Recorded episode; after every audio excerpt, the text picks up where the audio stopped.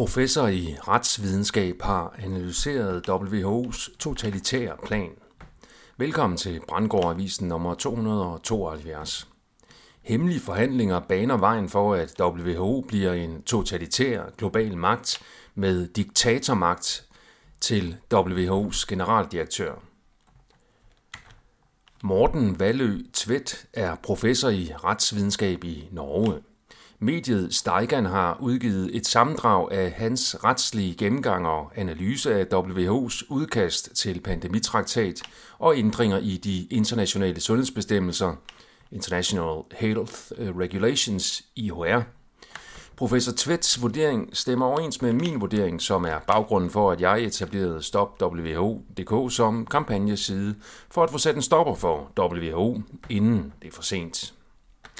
WHO og medlemslandenes departementer holder de midlertidige resultater fra forhandlingerne om ændringer i IHR hemmelige. Denne lovgivningsproces sker dermed med en meget lav grad af demokratisk debat. Hvordan fremtidens sundhedslov skal se ud, forhandles i lukkede og hemmelige rum. Det giver et stort demokratisk underskud, som professor Tvedt formulerer det. Og jeg er fuldstændig enig.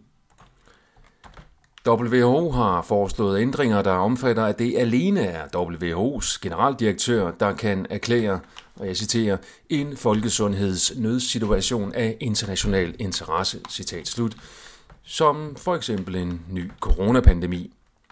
Generaldirektøren vælger selv medlemmerne til den rådgivende gruppe, og det er ham selv, der træffer beslutningen, om der foreligger en nødsituation. Det er nødsituationen, der udløser WHO's magt over medlemsstaterne. Professor Tvedt vurderer, at fem elementer af retsregler bidrager til, at WHO's anbefalinger bliver bindende for medlemslandene at gennemføre. For det første er det foreslået, at generaldirektørens anbefalinger ikke længere skal være ikke bindende. For det andet er det foreslået, at medlemslandene skal være forpligtet til at igangsætte og gennemføre implementeringen af anbefalingerne uden forsinkelse. For det tredje kræver ændringerne i IHR, at alle medlemslandene skal vedtage love og fremgangsmåder, som gør det muligt uden forsinkelse at kunne gennemføre det, som generaldirektøren har anbefalet. For de fjerde skal medlemslandene udpege eller etablere forvaltningsorganer, som skal sørge for at omsætte anbefalingerne til retsligt bindende regler på nationalt niveau. For det femte skal WHO etablere en Compliance Committee med ansvar for at følge op på, om landene har indrettet sig lojalt eller ikke efter anbefalingen fra generaldirektøren i WHO. Professor Tvedt fremhæver endvidere, at WHO foreslår, at denne sætning, der formulerer tre basale principper for IHR, bliver fjernet. Og det drejer sig om, reguleringerne skal gennemføres med, og jeg citerer, med fuld respekt for menneskelig værdighed, menneskerettighederne og grundlæggende menneskelige friheder. Citat slut.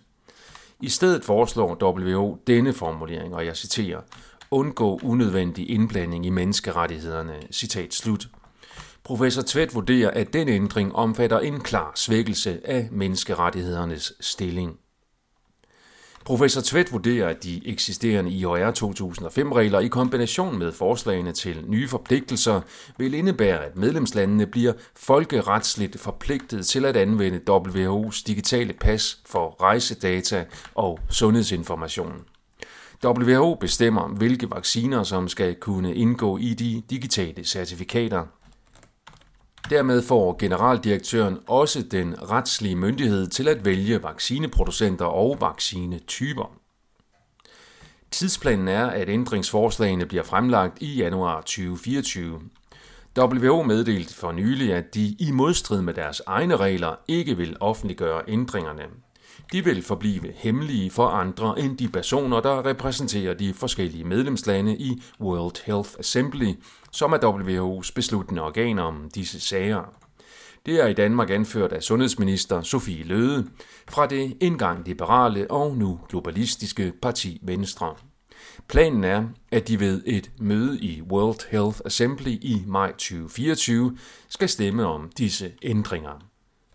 Hvis der er to tredjedeles flertal for at vedtage ændringerne, så er de bindende for alle medlemslandene fra 12 måneder efter, medmindre man som land melder sig ud af WHO inden for 10 måneder efter afstemningen. WHO kan på den måde overtage magten, også over Danmark, helt uden at Folketinget tages med på råd. The Exposé skriver, at det britiske parlamentsmedlem Andrew Bridgen har taget kampen op med magtliderlige WHO. I Norge har NRK bragt tv-debat mellem tilhængere og modstandere af WHO-ændringerne.